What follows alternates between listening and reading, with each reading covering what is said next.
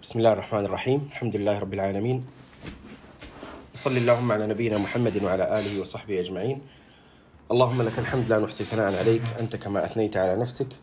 اللهم إنا نسألك العافية في الدنيا والآخرة. اللهم إنا نسألك العفو والعافية في ديننا ودنيانا وأهلنا وأموالنا. اللهم استر عوراتنا وآمن روعاتنا واحفظنا من بين أيدينا ومن خلفنا وعن أيماننا وعن شمالنا ومن فوقنا. ونعوذ بعظمتك أن نغتال من تحتنا. ربنا أعنا ولا تعن علينا وانصرنا ولا تنصر علينا وامكر لنا ولا تمكر علينا واهدنا ويسر الهدى لنا. أما بعد هذا هو المجلس الثامن عشر من مجالس آه، قراءة القراءة المختصرة أو قراءة مقاصد مدارج السالكين بالإضافة إلى التعليقات. وكنا قد أنهينا يوم أمس منزلة الذكر. والآن آه، انتقل ابن القيم رحمه الله إلى إلى شرح منزلة الفقر التي ذكرها الإمام الهروي رحمه الله تعالى. وهذه المنزلة هي من المنازل ال- التي يعني تعتبر من المصطلحات المتعلقة بالتصوف ولكن الإمام ابن القيم أيضا لفت فيها آه، إلى بعض ال- الأمور المهمة. هي والمنزلتين أو المنزلتان التي بعدها آه، أيضا آه، يعني متعلقة بهذا المجال بهذا المجال مصطلحات التصوف. ولكن سأنتقي أو انتقيت منها بعض الفوائد ال- الجيدة. قال الإمام ابن القيم رحمه الله فصل ومن منازل إياك نعبد وإياك نستعين منزلة الفقر. هذه المنزلة أشرف منازل الطريق عند القوم. طبعا تعرفوا إذا قال القوم يقصد بهم الصوفية. قال هذه المنزلة أشرف منازل الطريق عند القوم وأعلاها وأرفعها. بل هي روح كل منزلة وسرها ولبها وغايتها. وهذا إنما يعرف بمعرفة حقيقة الفقر والذي تريد به هذه الطائفة أخص من معناه الأصلي. فإن لفظ الفقر وقع في القرآن في ثلاثة مواضع. أحدها قوله تعالى للفقراء الذين أحصروا في سبيل الله. أي الصدقات لهؤلاء. كان فقراء المهاجرين نحو 400 لم يكن لهم مساكن في المدينة ولا عشائر وكانوا قد حبسوا أنفسهم على الجهاد في سبيل الله فكانوا وقفا على كل سرية يبعثها رسول الله صلى الله عليه وسلم وهم أهل الصفة. هذا أحد الأقوال في إحصارهم في سبيل الله. وقيل هو حبسهم أنفسهم في طاعة الله. هذا الآن تفسير للذين أحصروا. يعني قيل إنهم حبسوا أنفسهم للجهاد في سبيل الله وقيل حبسوا أنفسهم في طاعة الله وقيل حبسهم الفقر والعدم عن الجهاد في سبيل الله وقيل لما عادوا لما عاد لما عادوا أعداء الله وجاهدوهم في الله تعالى أحصروا عن الضرب في الأرض لطلب المعاش فلا يستطيعون ضربا في الأرض. والصحيح أنهم لفقرهم وعجزهم وضعفهم لا يستطيعون ضربا في الأرض ولكمال عفتهم وصيانتهم يحسبهم من لم يعرف حالهم أغنياء. إذا هذا ترجيح ابن القيم لمعنى الذين أحصروا. والموضع الثاني قوله تعالى إنما الصدقات للفقراء. والموضع الثالث قوله تعالى يا أيها الناس أنتم الفقراء إلى الله. فالصنف الأول خواص الفقراء والصنف والثاني فقراء المسلمين خاصهم وخاصهم وعامهم. والثالث الفقر العام لأهل الأرض كلهم غنيهم وفقيرهم مؤمنهم وكافرهم. فالفقراء الموصوفون في الآية الأولى يقابلهم أصحاب الجدة يعني أصحاب الغنى. ومن ليس محصرا في سبيل الله ومن لا يكتم فقره تعففا فمقابلهم أكثر من مقابل الصنف الثاني. يعني من من هم الذين ضد الفقراء بالمعنى الأول الوارد في الآية الأولى؟ هم الأغنياء ومن لا يكتم فقره تعففا ومن ليس محصرا إلى آخره. والصنف الثاني يقابلهم الأغنياء أهل الجدة ويدخل فيهم المتعفف وغيره والمحصر في سبيل الله وغيره. هذه إنما الصدقات للفقراء. والصنف الثالث لا مقابل لهم بل الله وحده هو الغني وكل ما سواه فقير إليه. ومراد القوم بالفقر شيء أخص من هذا كله. يعني الآن هو يقول في منزلة الفقر يقول ال ال أهل التصوف يريدون بالفقر معنى غير المعنى اللغوي الأصلي وغير المعنى ال- ال- الذي ورد في القرآن. فالفقر ورد في القرآن على ثلاثة أنواع وعلى ثلاثة معان وذكرها وفيها فيها فائدة جميلة في التفسير. ثم قال بعد أن انتهى من هذه الثلاث معاني قال ومراد القوم بالفقر شيء أخص من هذا كله. وهو تحقيق العبودية والافتقار إلى الله تعالى في كل حالة وهذا المعنى أجل من أن يسمى فقرا بل هو حقيقة العبودية ولبها وعزل النفس عن مزاحمة الربوبية يعني يقول ابن القيم إذا كان قصدكم مقصدكم بالفقر أو تسميتكم للفقر تقصدون بها إنه هو تحقيق العبودية والافتقار إلى الله في كل حالة يقول فهذا المعنى هو أجل من أن يسمى فقرا هو هو لب العبودية وأساسها.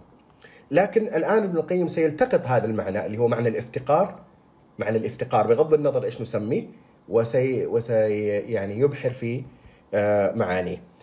قال وسئل عنه يحيى بن معاذ فقال حقيقته أن لا يستغني إلا بالله وقال ابن القيم حقيقة الفقر وكماله كما قال بعضهم وقد سئل متى يستحق الفقير اسم الفقر فقال إذا لم يبق عليه بقية منه. فقيل له وكيف ذاك؟ قال إذا كان له فليس له وإذا لم يكن له فهو له. وهذا من أحسن العبارات عن معنى الفقر الذي يشير إليه القوم وهو أن يصير كله لله عز وجل.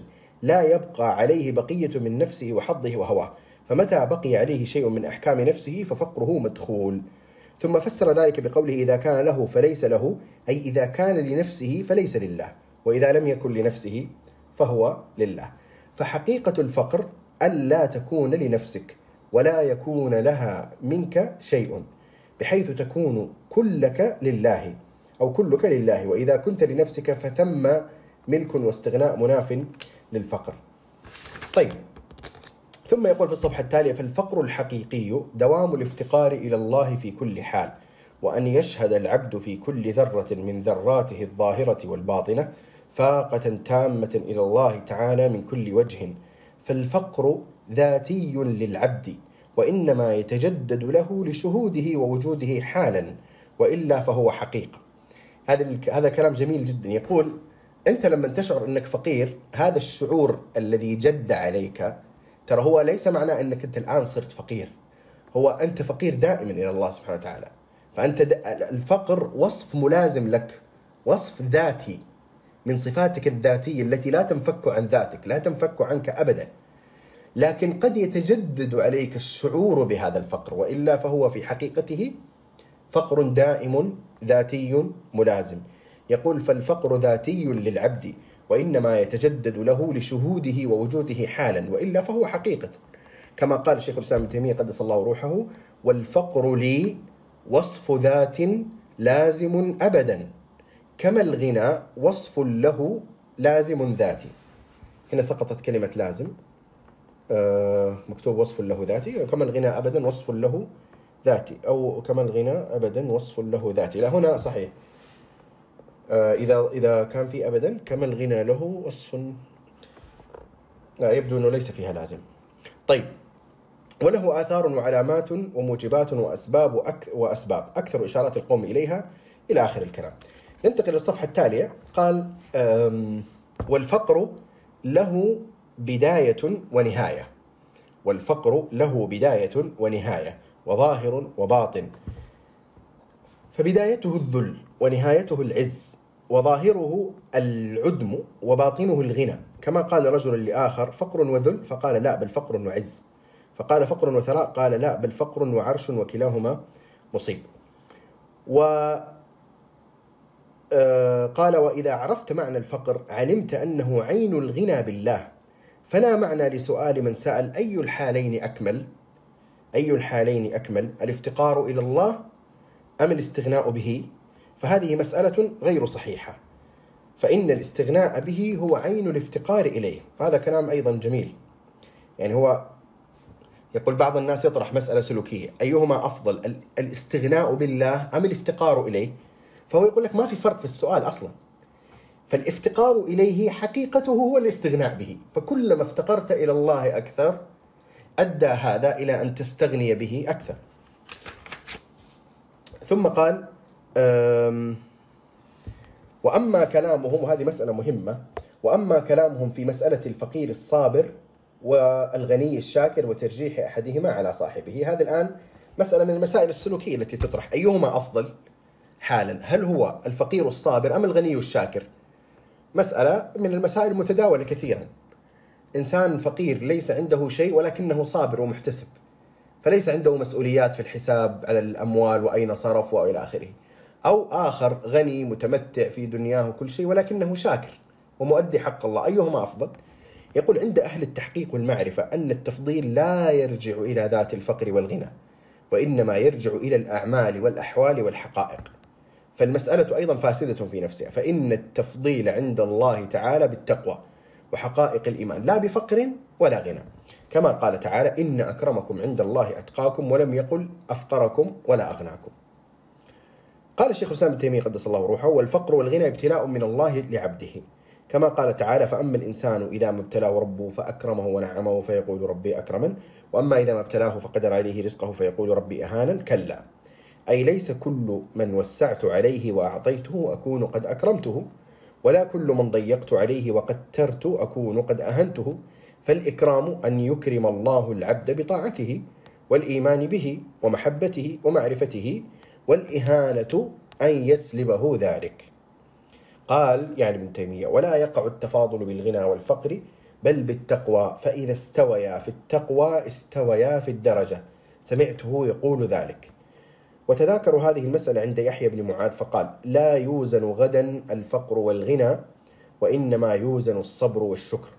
وقال غيره هذه المسألة محال من وجه آخر وهو أن كلا من الغني والفقير لا بد له من صبر وشكر فإن الإيمان نصفان نصف صبر ونصف شكر بل قد يكون نصيب الغني وقسطه من الصبر أوفر لأنه يصبر عن قدرة فصبره أتم من صبر من يصبر عن عجز ويكون شكر الفقير أتم لأن الشكر هو استفراغ الوسع في طاعة الله والفقير أعظم فراغا للشكر من الغني فكلاهما لا تقوم قائمة إيمانه إلا على ساقي الصبر والشكر.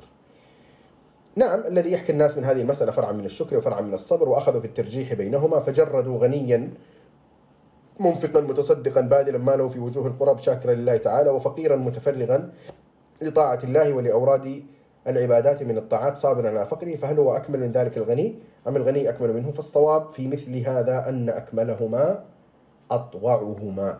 فإن تساوت طاعتهما تساوت درجاتهما. والله أعلم.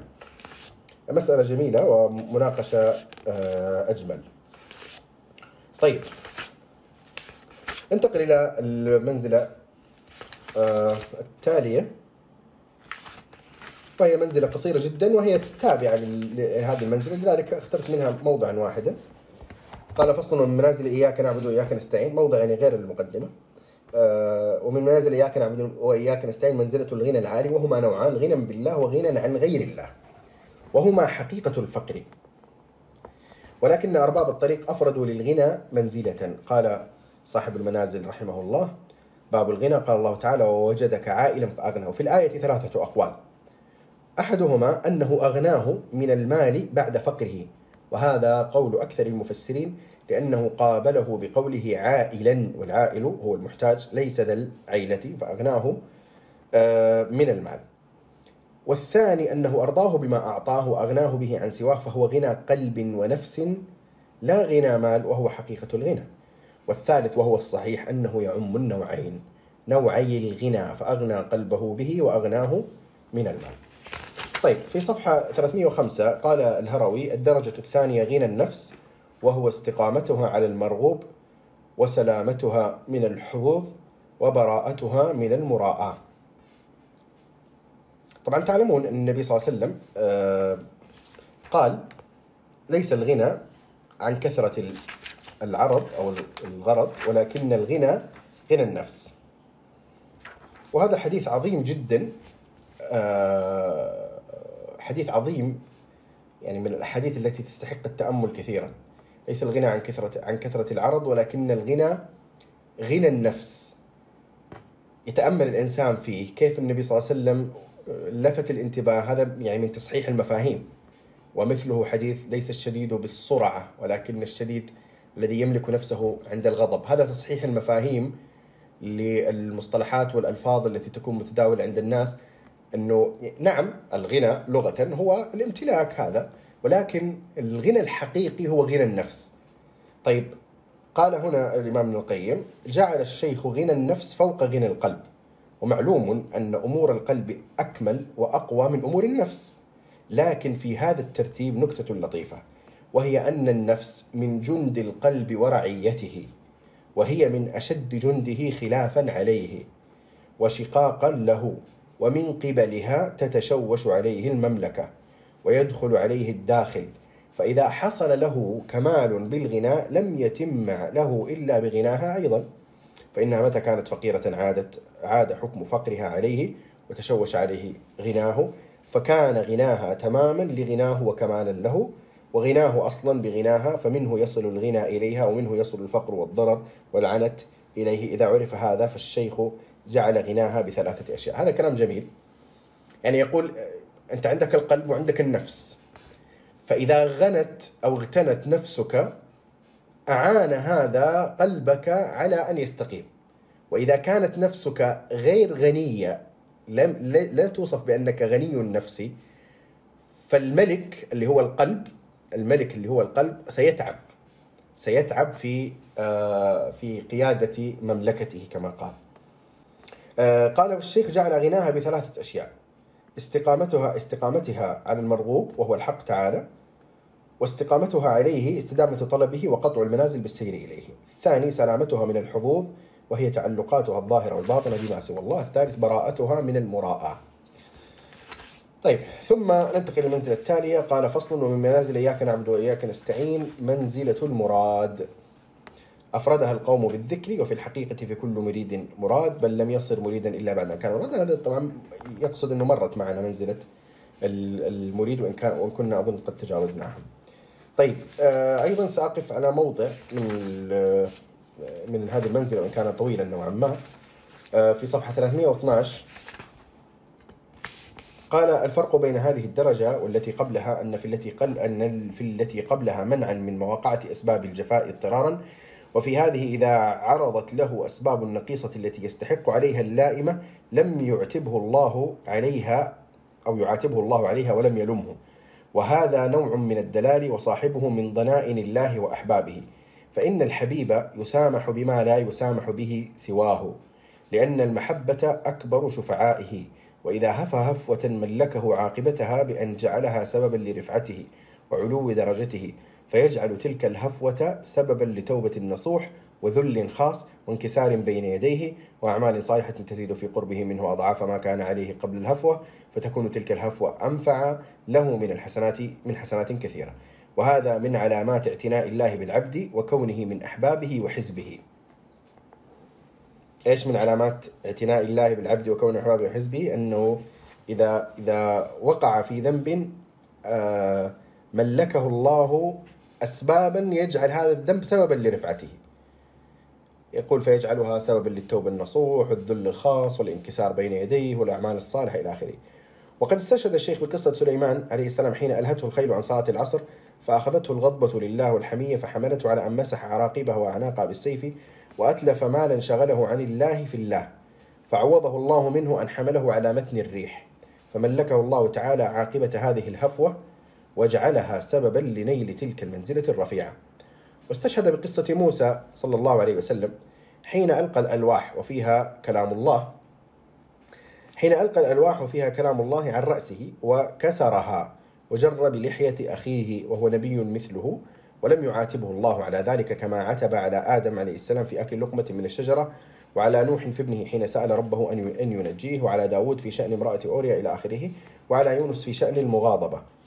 طبعا قصة داود وتفاصيلها المتعلقة بالامرأة هذه من الإسرائيليات ليست آه ثابتة وإنما ثابت الأمر المجمل في القرآن.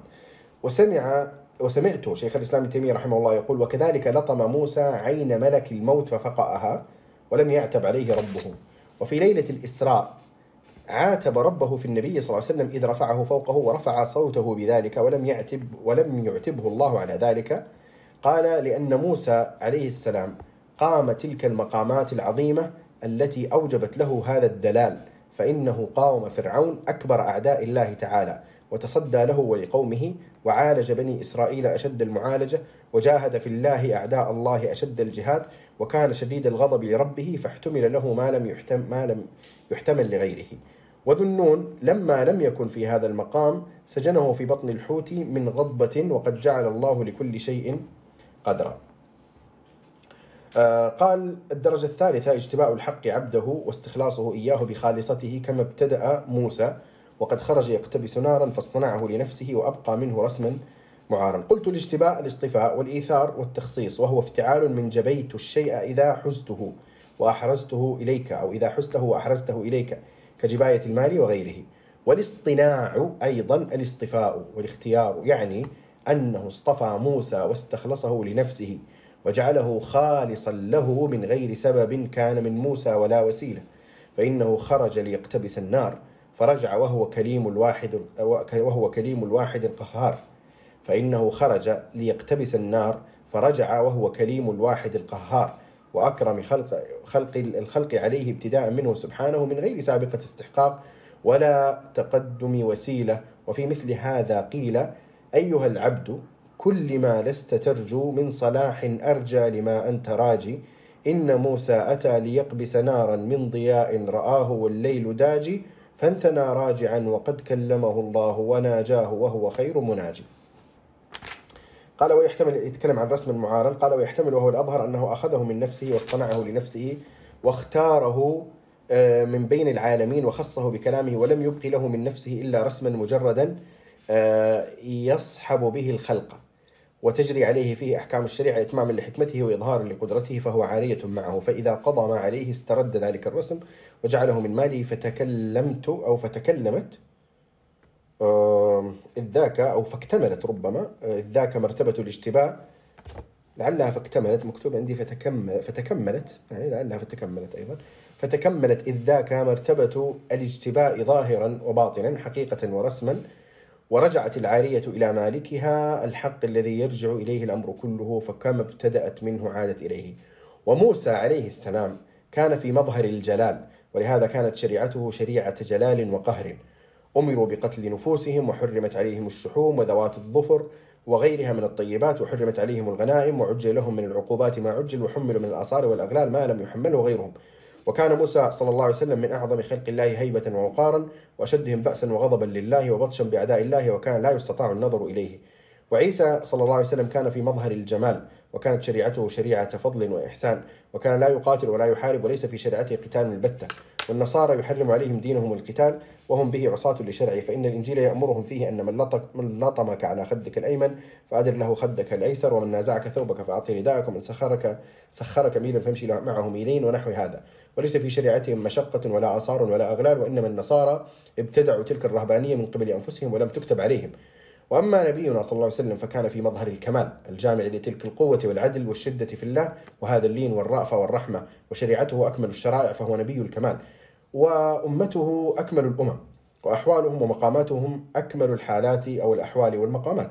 ولذلك تأتي شريعته بالعدل إيجابا له وفرضا وبالفضل ندبا إليه واستحبابا وبالشدة في مواضع الشدة وباللين في موضع اللين ووضع السيف موضعه ووضع الندى موضعه أيضا. فيذكر, فيذكر الظلم ويحرمه والعدل ويوجبه والفضل ويندب إليه في بعض الآيات كقوله تعالى وجزاء سيئة سيئة مثلها فهذا عدل.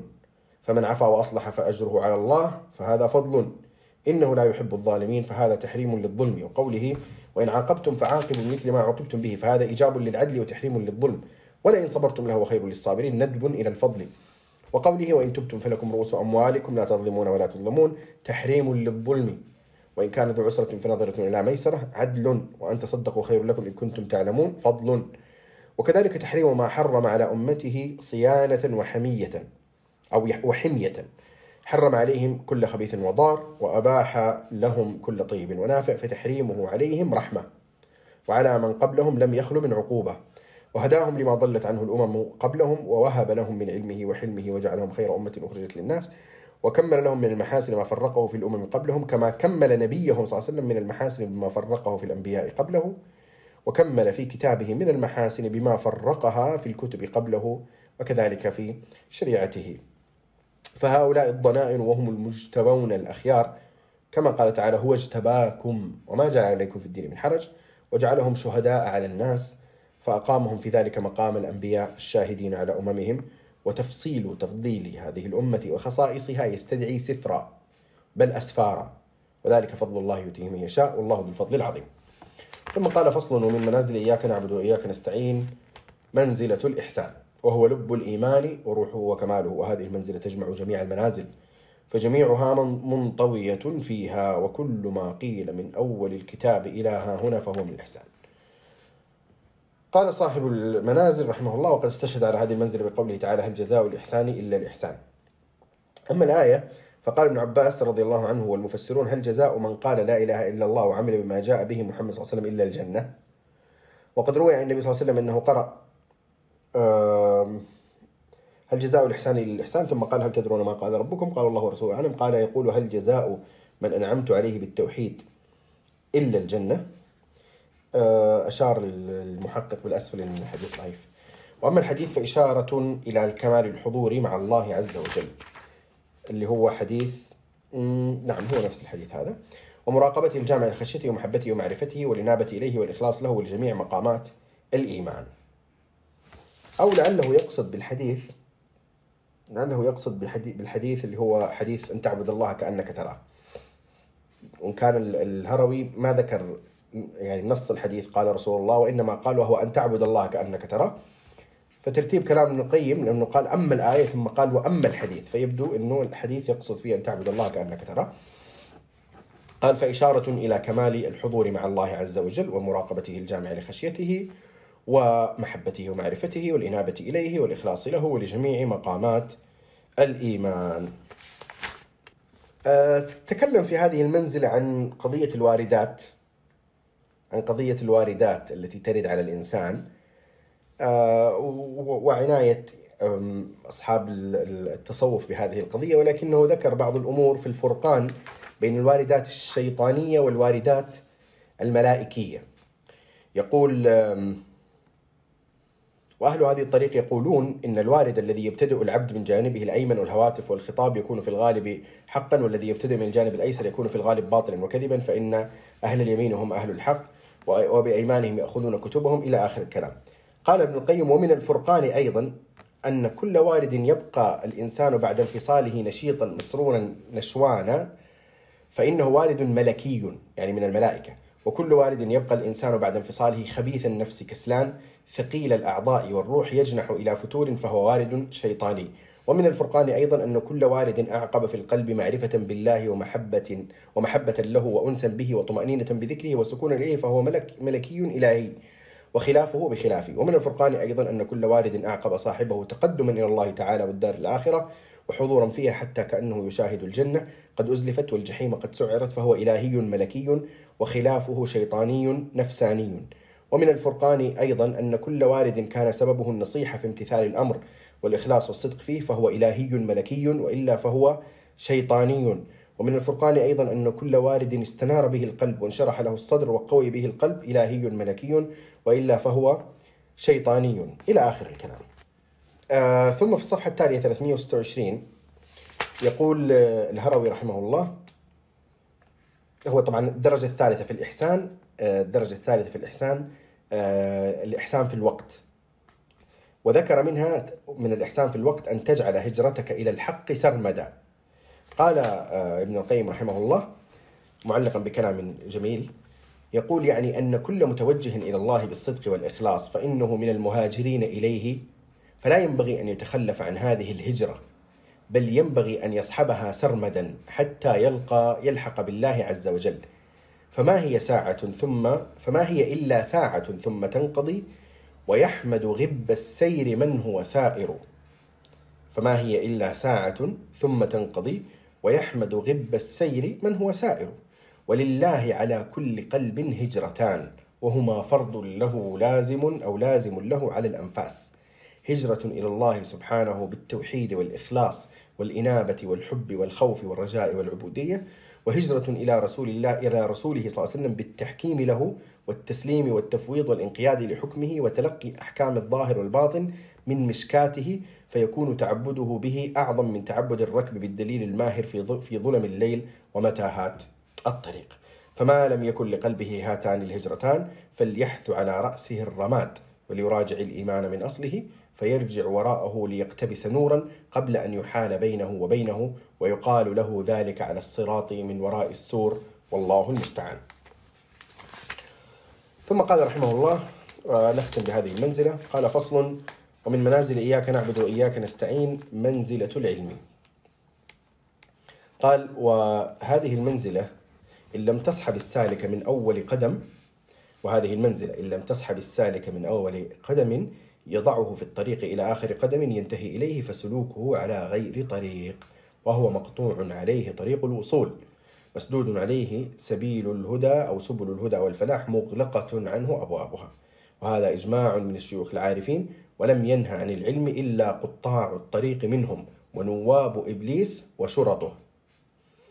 قال سيد الطائفة وشيخهم الجنيد بن محمد رحمه الله تعالى الطرق كلها مسدودة على الخلق إلا على من اقتفى آثار الرسول صلى الله عليه وسلم. وقال من لم يحفظ القرآن ويكتب الحديث لا يقتدى به في هذا الأمر لأن علمنا مقيد بالكتاب والسنة. وقال مذهبنا هذا مقيد بأصول الكتاب والسنة. ثم قال وقال أبو سليمان الداراني رحمه الله ربما يقع في قلب النكتة من نكت القوم أياما يعني شيء من الفكرة أو الوارد أو الخاطر في في معنى من المعاني التي يعتنون بها فلا أقبل منه إلا بشاهدين عدلين الكتاب والسنة. لا في صفحة 335 في صفحة 335 يقول رحمه الله دائرة العلم تسع الدنيا والآخرة ودائرة الحال تضيق عن غير صاحبه وربما ضاقت عنه. العلم هاد والحال الصحيح مهتد به. هو الآن كله مركز ابن القيم على أنه, إنه هذه الأحوال السلوكية والتعبدية والخواطر والواردات وما إلى ذلك والتي يعتني بها أهل التصوف كثيرا يقول هذه لابد أن يكون معها علم لأنه الشيطان قد يلبس على الإنسان في مثل هذا. ف وسلك في هذا عدة طرق. فمن أهم الطرق أنه أتى بكلام لسادة هذه الطائفة ليقول أن العلم شرط أو ليثبت من كلامهم أن العلم شرط. ثم أخذ يفرق بين العلم والحال آه، وكيف أن العلم هو الهادي والحال مهتد. ثم قال آه، وهو حياة القلوب ونور البصائر وشفاء الصدور ورياض العقول ولذة الأرواح وأنس المستوحشين ودليل المتحيرين وهو الميزان الذي به توزن الأقوال والأعمال والأحوال وهو الحاكم المفرق بين الشك واليقين والغي والرشاد والهدى والضلال به يعرف الله ويعبد ويذكر ويوحد ويحمد ويمجد وبه, وبه اهتدى إليه السالكون ومن طريقه وصل إليه الواصلون ومن بابه دخل عليه القاصدون.